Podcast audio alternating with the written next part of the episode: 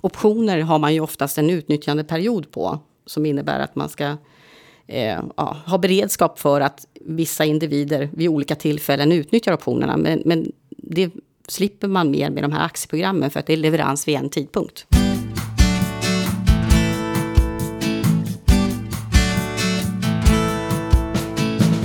Hej och välkomna till Deloittes Mobility-podd. Jag heter Anna Nilsson och jag är skattejurist här på Deloitte. Har jobbat med skatt och mobilitetsfrågor sedan 2012 och har den stora äran att få leda den här podden tillsammans med min kollega Johan Sander som nu är på plats efter sin elaka förkylning häromveckan. Johan, välkommen hit! Tack, det är skönt att vara tillbaka faktiskt. Eh, det var, jag var riktigt dålig där faktiskt. Det var en klassisk nära döden-upplevelse ja. som det alltid är när män är förkylda. Ja, det, det, så är det. Ja, Johan Sander heter jag, skattejurist, också här på Deloitte och eh, har arbetat med mobilitetsfrågor nu. Jag är inne på mitt 24 år här med, med, på Deloitte. Jag ser jättemycket fram emot att höra vår nya gäst idag. Precis, det ska bli jättespännande. Jag ska som vanligt börja med att säga att eh, podden endast innehåller allmän information och inte någon faktisk rådgivning. Om det är så att ni har några frågor som ni inte får svar på här eller om ni vill ha aktiv rådgivning som ni kan förlita er på så får ni jättegärna kontakta oss på mobilitypodden deloitte.se. Men nu är det äntligen dags för eh, ett ämne som jag brinner väldigt mycket för och tycker är otroligt, jobbigt, eh, otroligt roligt att få jobba med. Även om det kan vara lite jobbigt ibland för det är verkligen knepigt. Dagens ämne handlar om incentiveprogram. Hur känner du inför det Johan? Jätteroligt och såklart oftast väldigt komplicerat. Eh, framförallt när man har program som sträcker sig över gränserna och eh, det kan bli ganska knepigt ibland. Men det ska bli kul att få höra vår gäst idag. Precis. Vi har ju den stora glädjen att ha en riktig expert på området eh, som kollega till oss här på Deloitte. Så jag tänker hoppa direkt in och introducera dig, Aja. Aja Englund, välkommen till Mobility-podden. Tusen tack. Roligt att du vill vara här. Som sagt, du är ju våran, våran specialist på det här. Men du kan väl berätta lite grann om dig själv? Mm. Eh, jag är skattejurist också på Deloitte. Jag har jobbat lite kortare tid än vad Johan har gjort. Eh, 22 år har jag varit. Och faktiskt haft förmånen att jobba väldigt mycket med incitamentsprogram under kan säga, i princip hela den tiden. Så att ja, lång erfarenhet har jag av det. Precis. Hur kom det sig att du började jobba så mycket med incitamentsfrågor? Vad var det som var det spännande där? Ja, egentligen en slump. Eh, jag jobbade väldigt mycket med... Jag fick den typen av frågor. Eh, så att det, det, finns inte någon uttänkt plan eller någonting. Utan eh, mer att, att, att jag har jobbat med de frågorna mycket. Det är ju så, om man tycker något är kul så blir man ofta väldigt, eh, väldigt duktig på det. Men en sak som jag vet när jag pratar om incentivprogram och, och att jag tycker att det är spännande när jag pratar med mina vänner är vad är egentligen ett incentivprogram? När man, när man kastar sig med den termen, vad menar man oftast då? Ja, jättebra fråga. För att, eh, när jag jobbar med incitamentsprogram eh, ska man vara tydlig med att säga det, det är egentligen en typ av aktierelaterad rörlig ersättning. Eh, om man kort ska sammanfatta vad incitamentsprogram är och det jag jobbar. Eh, det kan vara ett aktieprogram, ett optionsprogram. Eh, men i vissa fall är det inte aktierelaterat och det är ett bonusprogram helt enkelt. Eh, men tanken med, med programmet är ju att motivera eh, och eh, genom det här programmet så, så har man möjlighet att få eh, en, en rörlig ersättning. Mm. Du, du, slänger det här med lite olika uttryck med aktieprogram och optionsprogram och så. Jag förstår att det finns väldigt eh, många olika. Hur är det Johan, känner du dig helt uppsjungen på skillnaderna? Nej, men det, det som jag tycker är intressant det är ju att jag, jag talade lite med Aja innan vi gick in här nu. Och det är ju, jag kommer ihåg på 90-talet när många stora bolag arbetade med så kallade stock option plan då från USA. Och som vi då eh, sedan kallade för personaloptionsprogram. Sen finns det andra sådana här eh, eh, kombinationer av de här programmen som eh, Phantom Options och hit och dit. Och det känns som att ibland så eh, har man svårt att sortera ut vad det är egentligen för program våra kunder har. Och det är väl det då som vi oftast, eh, Aja hjälper oss med att sortera och eh, gå igenom allting och förstå vad det är som tillhandahålls. Och där tycker jag man måste vara väldigt noggrann när man tittar på de här olika programmen som vi stöter på med våra kunder. Mm. Men Aja, vad finns det egentligen för program? Om du skulle tänka på de kanske vanligaste, vad brukar de kallas och vad betyder de? Mm. Eh, och eh, här kan man ju, om, om vi går till, eh, tillbaka till vad, vad Johan nämnde. Eh, vi har personaloptioner. Och, och de är egentligen modellerade kan man säga på de amerikanska stock option programs.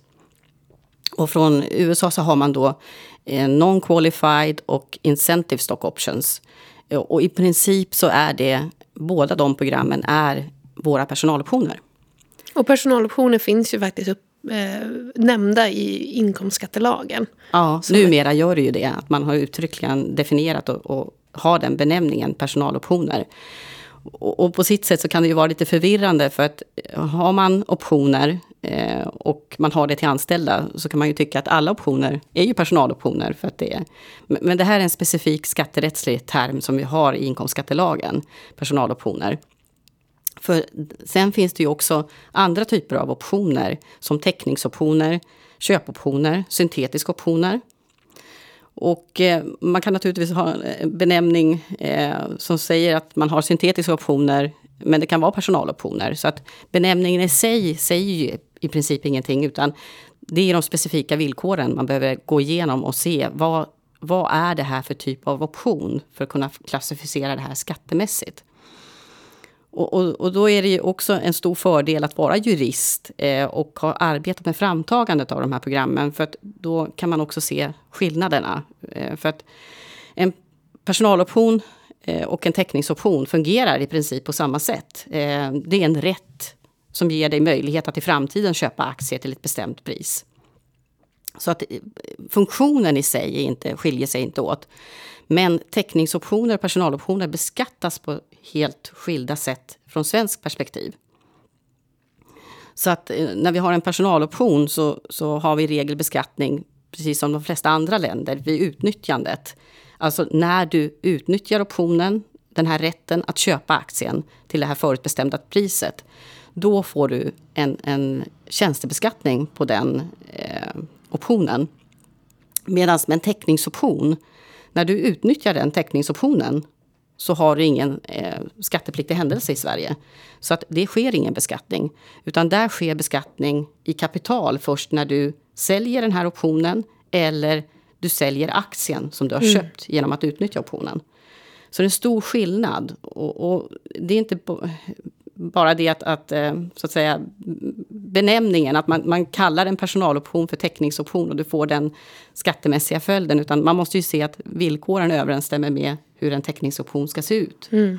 Det kan man säga att det, det, märker jag ganska mycket i mitt dagliga arbete. Att en, en kund eller klient tar av sig och säger ja, men vi, vi har en personaloptionsplan.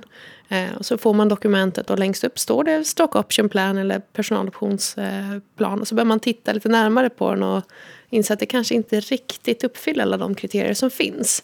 Så jag tror att det, det finns en viss risk där, kanske framförallt med internationella program, att man har eh, en benämning på planen som inte liksom till fullo då lirar ihop med lagstiftningen i Sverige och eh, planvillkoren. Så det är super att vi har dig ombord som kan eh, titta igenom de här och, och, se helt enkelt hur, hur ska den här betraktas från ett svenskt perspektiv. Mm.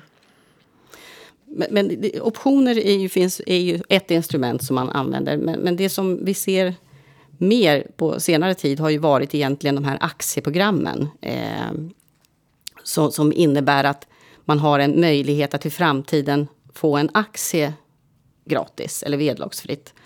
Eh, och, och, många gånger om man nu tittar från svenskt perspektiv så, så finns det det här är förenat då med att du ska uppfylla vissa prestationsvillkor. Alltså att man har för, förutbestämda mål som man måste uppnå för att få den här eh, aktien.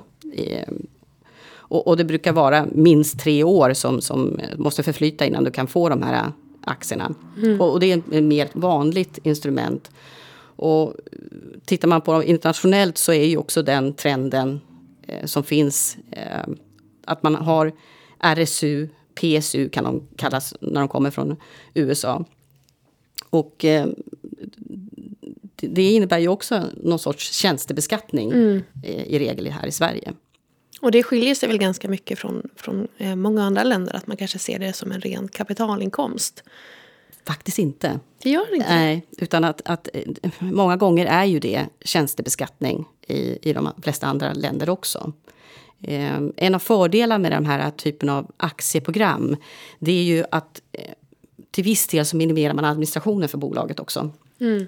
För att optioner har man ju oftast en utnyttjandeperiod på som innebär att man ska eh, ja, ha beredskap för att vissa individer vid olika tillfällen utnyttjar optionerna. Men, men det slipper man mer med de här aktieprogrammen för att det är leverans vid en tidpunkt. Mm. Och, och, det här kan ju också underlätta, jag kan tänka mig i mobilitetssyfte, eh, att eh, det är lättare att hantera eh, mm. på det sättet. Precis, det är ju lite grann av, eller en av de utmaningar man, man brottas med som företag med anställda som har jobbat i väldigt många olika länder under den här inkännande perioden. Alltså från den här datumet när du fick löftet om de här aktierna så att säga och när du de facto får dem. Um, och just allokeringen som sker där med både beskattning och rapporteringsskyldigheter för bolaget, sociala avgifter, alla de bitarna som, som vi mycket då hjälper till med att få rätt i, i alla länder tillsammans då med våra utländska kollegor. Men du nämner ju här att du har hjälpt till att eh, ta fram ett par sådana här program. Mm, det stämmer. Eh, och, och, och, det är väldigt roligt eh, när man arbetar. Eh, för att man får ju en hel del insikter i eh, vad som kan ligga bakom eh, valet av program exempelvis. Eh, och, och, också utmaningen i att administrera program mm. eh, som många av våra kunder har. Eh, och, och, där erfarenhetsmässigt så kommer man inte ifrån att fördelen är ju, ju enklare eh, program, desto bättre. Mm. För, för, att man har ju många steg i, i de här programmen. Eh, inte bara framtagandet i den processen, där man måste ta fram underlag bland annat för bolagsstämman i många fall, eh, för att få godkännande. Eh, men, men, nästa steg är ju att få ut det här till de anställda också på ett bra sätt. Eh, och sen den löpande administrationen. Mm. Eh, och naturligtvis också ta hand om de här personerna som flyttar över gränserna som man behöver tracka på något sätt. Då. Eh, så att, så att det, det, finns, när man sätter igång programmet så är det mycket man behöver tänka på och ha en viss flexibilitet bland annat i villkoren för mm. att eh, ta hand om situationer och, och se till att de kan lösas på enklast administrativa sätt. Mm. Eh, och, och, här har man ju också eh, en bra kan vara bra att fundera på vem, vem ska administrera det här? Är det internt bolaget som ska göra det helt? Eller måste vi ta hjälp, extern hjälp eh, mm. och, och, ha den diskussionen tidigt? Vilken är egentligen den, den vad ska man säga, vanligaste krångligheten du stöter på? Liksom, vad är det vanligaste att bolaget har glömt att, att tänka på? Eller sådär, som ni diskuterar mest kring? Det är lite olika beroende på vad, vilket steg i de här faserna man är. För det, det, kan vara, jag tänker på när det gäller framtagandet eh, så är det ju många gånger att, att man har en bestämd uppfattning om vilket program man ska ha utan att ha tänkt igenom exakt eh, om det här programmet är det som gynnar bolaget mm. och de anställda på bästa sätt. Ehm, så, så det, det, och, och, många gånger också har man mycket diskussioner om tilldelning. För bolaget är väldigt... Eh, många gånger, de representanter som vi träffar, väldigt klara över exakt vad de vill ha, att det här kommer ta kort tid att få på plats. Men, men, att man, man, oftast har man inte tänkt igenom alla bitar. Och, och tilldelning är ju en sån här klassisk också. Att, att hur mycket ska varje grupp ha så att mm. säga. Och, och, och, så alltså att, hur att, många aktier man ska ja, få eller vilket värde på. Precis, mm. precis. Det brukar vara en... Sen när det gäller andra delar så, så kommunikationen till de anställda. Eh, eh, och här är man väldigt olika beroende på vilka resurser man har naturligtvis internt också. Eh, för att kunna eh, kommunicera det här till de som ska omfattas av programmet. Och, och, här finns det ju många steg som man det första är ju när man ska erbjuda programmet. Eh, Och, det andra är ju när det faktiskt händer någonting under tiden i programmet. Någon slutar. Eh, och sen exempelvis när leverans ska ske. Så det finns olika stadier som man behöver ta hand om. Och, och oftast är man väldigt entusiastisk när man sätter igång programmet. Mm. Men sen så är, ja, svalnar av under tiden. Och, och, det kan vara ganska negativt. för att En av erfarenheterna är, eh, apropå det här problem som man stöter på, det är det att när leverans av aktier exempelvis ska ske i ett aktieprogram eh, och det ska förmånsbeskattas så blir det här en chock för de anställda. Även mm. om man i erbjudandet till dem har haft information om att det här är skatteeffekterna. Men, men det är först när det konkret blir en, en fråga. Och, och, då är det klassiska att, att i Sverige så ska man ju innehålla skatt på den här förmånen. Och förhoppningsvis så är värdet högt vid det här tillfället. Så att det kanske blir en, en ganska mm. hård smäll i, för den här personen. Som innebär att man inte får en månadslön den månaden.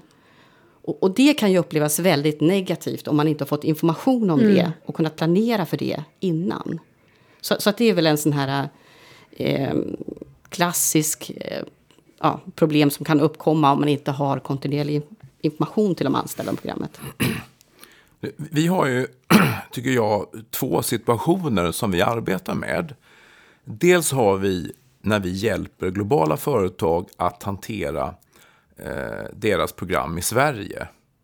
Det vill säga, man har exempelvis en stock option plan eller en sån här RSU eller vad det än är. Och så ska vi göra en skattemässig bedömning om hur det här hanteras i Sverige. Jag kommer ihåg för många år sedan när stock option plan, planen eh, kom till Sverige. Och då hade vi ju en regel i Sverige där eh, när man flyttar, man, man beskattades när man utnyttjade sin option köpte den underliggande aktien, så kallad exercise date. Det är mm. många ord här nu, men exercise är ju när man utnyttjar optionen och köper aktien. Yeah. Och då var det så ett tag att när man flyttade ut ifrån Sverige så var det så att även om man inte utnyttjade optionen och köpte den underliggande aktien så blev man ju utflyttningsbeskattad. Kommer mm. ihåg det? Mm. Och den regeln togs ju bort sen för att mm. det var ju EG-stridigt. Mm. Eh, eftersom det stred mot den fria rörligheten. Eh, vad ser du för utmaningar just nu? Alltså, när vi har våra globala mm. eh, planer, eh, hur fungerar beskattningen idag? Är det någonting som du personligen tycker är komplicerat mm. eller du vill nämna? Ja, eh, det är lite grann det som Anna redan var inne på. Eh, det här med att eh, personer rör på sig naturligtvis ökar komplexiteten. Eh, och det är inte alltid helt klart hur olika instrument, hur man ska räkna de här olika tiderna eh, som respektive land vill beskatta. För att eh, jag tror att mer och mer har det blivit så att eh, olika skatteverk är mer intresserade av att ha sin del av de här förmånerna. Så att, och det, men det som är mest komplext, som jag ser, det är när svenska bolag, svenska börsbolag, implementerar eh, lite svenska lösningar utomlands. Mm. Som de här täckningsoptionerna eller konvertibler exempelvis, som inte är vanliga eh, internationellt. Det skapar ganska mycket utmaningar när man ska försöka säkerställa hur för det första ska det här beskattas i det här landet för en person som hela tiden är i det här landet. Men ännu kanske mer utmaning när de här personerna börjar flytta runt. Eh, hur, hur, ska man se på den här typen av instrument? För, för det här med stock option och personaloptioner är ändå relativt inarbetat. Det har funnits en lång tid så att det är enklare. Eh, även, om det, även om inte det är kristallklart i alla lägen. Det var det jag menade. Vi har mm. två sidor. Dels när vi är mottagande kontor mm, och hjälper mm. våra eh, kollegor ute i världen. Sen har vi en annan situation när Aja då och du och din grupp eh, mm. arbetar med att ta fram mm. planer för svenska bolag med headquarter i Sverige mm. som ska rulla ut någonting. Och då, som du säger Aja, så är det ofta så att man kanske inte har tänkt på allting. Mm. Eh, hur det här kommer att hanteras i de andra länderna. Och mm. det är väl det som är mm. budskapet, att man måste verkligen gå igenom det. Och, och, kontrollera hur det här kommer att beskattas och hur det ska rapporteras i olika länder. Och det är framförallt det då som du har jobbat mycket med. Mm. Och precis kanske innan man, om man har ett, eh, ett incitamentsprogram i Sverige och funderar på att etablera sig i, i utlandet. Hur mm. kommer det här då att mm. beskattas där? Både för, för bolaget, vilka skyldigheter uppstår där och för de anställda också som kanske då blir anställda på det här utlandskontoret. Hur det kommer att ske där. Men du Aja, jag funderade på, eh, på en sak. Här vid årsskiftet så kom det ju nya regler. Det har ju varit ganska mycket diskussioner i media, mycket insändare och sådär i tidningar kring eh, startups. Alltså mm. många svenska bolag i techbranschen har haft lite funderingar och synpunkter sådär på hur eh, beskattning av sådana här incitamentsprogram går till och Sveriges konkurrensmöjligheter vad avser incitamentsprogram. Och nu har väl deras eh, böner blivit hörda så att säga i alla fall, vad jag förstår. Kan inte du berätta lite mer om, vad som, eh, om den här nya lagstiftningen? Ja, det stämmer. Vi fick ju efter att man hade tillsatt en, en utredning om hur man skulle kunna göra eh, beskattningen av incitamentsprogram mer attraktiv i Sverige så fick vi nu ett ny lagstiftning när det gäller beskattning av personaloptioner som gäller från den 1 januari 2018. Och, och som jag tror är ett av ja, absolut det bästa alternativet om man hamnar eh, och har möjlighet att utnyttja de här reglerna. Eh, så, så är absolut någonting som jag skulle rekommendera att man använder sig av. Mm. För, för vad det innebär är helt enkelt att du har personaloptioner som inte tjänstebeskattas i Sverige. Och det blir alltså inga arbetsgivaravgifter för bolaget. Utan det blir kapitalbeskattning för den här personen som får optionen. Så att det är otroligt eh, förmånligt om man ser från svensk perspektiv. Mm. Eh, och, och, och eh, det man kan om man nu tittar på själva instrumentet personaloption, som, som vi inte har pratat om lite grann, hur, hur, hur ser det ut? För det måste kvalificeras som en mm. personaloption mm. enligt de här reglerna. Och vi har ju egentligen inte någon definition, riktig definition om vad en personaloption är, utan det har ju utkristalliserat sig i, praxis. Eh, men, men ofta så handlar det ju om en option som du inte får överlåta, så du kan inte sälja den här optionen till någon. Mm. Eh, och eh, du måste vara anställd i bolaget för att kunna utnyttja den. Mm. Så att på det sättet har en, en stark inlåsningseffekt. Alltså möjlighet för bolaget att, att du, du, får den här optionen men du ska stanna kvar. Så att man har ett lojalitetskrav mm. kan man säga. Eh, så att det, det, är positivt ur den bemärkelsen för utgivande bolag att, att eh, ha den. Och, och, nu finns det ett antal krav uppställda för att man ska omfattas av den här förmånliga regeln. Och, och det ställer krav bland annat på hur bolag, vad det är för bolag som ger mm. ut det här. Och du var inne på det, startups. Eh, ja, det, det, det ska vara man får inte ha haft verksamhet mer än tio år. Eh, det måste vara ett mindre bolag också. Eh, medelantalet anställda ska vara lägre än 50 balansomslutning om högst 80 miljoner. Eh, och, och, det är väl det här som har fått lite kritik, mm. för man tycker att man har snävat in det här. Eh, men, men hamna, har man den typen av bolag så ska man absolut titta på det här. Eh, sen får man också vara medveten om att vissa, vissa verksamheter är undantagna från det här. Bank och finansieringsrörelse får inte använda sig mm. av det här. Eh, och, och sen är det så att man har också ställt vissa krav på att eh, den här optionsinnehavaren ska ha en viss lön. Mm. Eh, så man kan inte ersätta all kontant ersättning egentligen med det här helt rätt. programmet? Och, och den ligger väl någonstans runt eh, en medellön om, månadslön om 22 500 kronor mm. i månaden. Eh, men, men, vad man har ställt upp som krav är 13 prisbasbelopp under den här treåriga intjänandetiden. Mm. Så att, den kan ju variera lite grann under den här tiden, men det måste vara den här 13 prisbasbelopp då som man har som... Så att... Ja, jag tycker att det här är ett väldigt stort steg framåt. Mm. Eh, om, om man som startup behöver titta på eh, att ha ett incitamentsprogram. Eh, så, så ska man absolut börja med att titta på om man faller in under de här reglerna. Mm.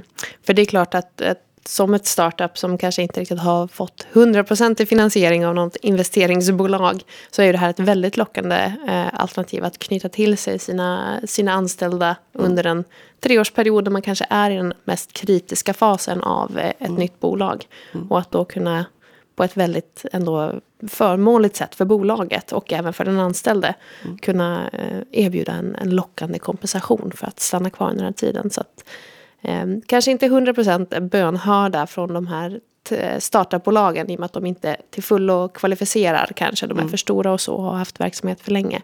Men eh, deras efterföljare så att säga, de mm. kanske kan dra nytta av det här programmet eller den nya lagstiftningen. Så det ska bli spännande att se liksom, hur det här utvecklar sig och vilka bolag som väljer att använda det här. Mm, absolut. Jag tänkte runda av lite grann med framtidstankar. Bortsett från den här nya lagstiftningen. Vad tänker du kommer att hända härnäst? Ser du några stora förändringar? Jag, jag tror inte att, att det, det är jätteomvälvande förändringar egentligen som vi ser. Utan jag tror fortsatt det är den här trenden med aktieprogram istället för optionsprogram om man tittar på större bolag. Eh, det som jag ser på senare tid det är ju det att det är starkt fokus på det här med att det måste vara prestationsrelaterat. Att man, man kan inte ge gratis aktier bara på grund av att man stannar kvar mm. en viss tid. Utan mycket är prestationsrelaterat. Transparens efterfrågas ju alltid. Eh, att, att man är transparent och att det ska vara enkelt att förstå eh, mm. programmen. Det är väl också någonting. Eh, man vill bort från komplexa lösningar. Eh, det som jag tror också kommer att inverka en hel del och, och, som tvingar kanske bolagen att göra en genomgång och, och, och, gå mot det här med enkelhet. Det är också att vi har den här dataskyddsförordningen mm. som i och för sig inte är riktat mot incitamentsprogram, men det kommer ju innebära att du måste ha bra koll på dina uppgifter som, som du lagrar ja. om de här personerna i de här programmen. Och, och, och, här är ju utmaningen om man har ett globalt program med många anställda, att ja, EU har ju den här dataskyddsförordningen som kanske i de flesta fall är den implementerad på samma sätt i alla länder. Men vi har ju även USA och alla andra länder och, och hur ska man hantera det när det gäller dataskydds... Att det, det kanske är, är, lite olika, för man har ju haft en diskussion om det här med att samtycke eh, till att du får behandla eh, personuppgifter mm. är, är det man stöder sig på. Eh, men, det har man tittat lite grann nu på när det gäller EU, att samtycke kanske inte är det optimala i, när det gäller eh, de här incitamentsprogrammen. Men samtidigt kanske samtycke är bra att ha när det gäller en amerikansk medborgare. Mm. Och vad ska man då göra när folk flyttar på sig? Och, så, att, så att det finns eh, den typen av, jag menar, det är inte slut med utmaningar kan man säga, men, men eh, det, är inte, det, det är roligt. Ja. Det, det är många olika frågor. Det är inte bara skattefrågor utan att eh, det finns andra. Mm. Väldigt mycket att tänka på i samma att man implementerar eller och eller administrerar ett eh, incitamentsprogram. Johan, känner du att du har fått svar på dina funderingar? Ja, jag, jag tycker jättebra. Jag, jag tror framför allt ett budskap till våra kunder. Det är att, att ska man väl sätta igång en sån här sak så är det otroligt bra att eh, sätta sig ner och diskutera igenom det här ur ett bredare perspektiv. Mm. Ett praktiskt perspektiv och ett legalt perspektiv innan man liksom går vidare och, mm. och börjar då kanske att träffa Aja till exempel som har jobbat med det här i väldigt många år. Att man, att man förstår hur man ska ta det vidare. Mm. Det tycker jag är viktigt. Att man tar hjälp. Precis, det är ju otroligt komplext. Så. Ja, det är det. Det är svårt. Men det finns stora vinster mm. för, för både bolaget och den anställda om det blir rätt. Så det är absolut ett, ett viktigt verktyg. Mm. Eh, tack så jättemycket Aja för att du ville komma hit. Tack för att du fick komma. Och tack för din, att du delar din kunskap. I nästa avsnitt av Mobilitypodden så kommer vi att titta närmare på den månatliga rapporteringen som implementeras här den kommande, kommande månaderna. Vad innebär egentligen den här, de här lagändringarna? Vad behöver man göra som arbetsgivare för att se till att följa lagstiftningen? Vi kommer då att prata med våra payroll-specialister Frida Lindgren och Andreas Bråte som är rejält uppsjungna på de här förändringarna. Det var Bra. allt för Mobility-podden. Vi hörs! Tack för idag! Tack för idag! Hej!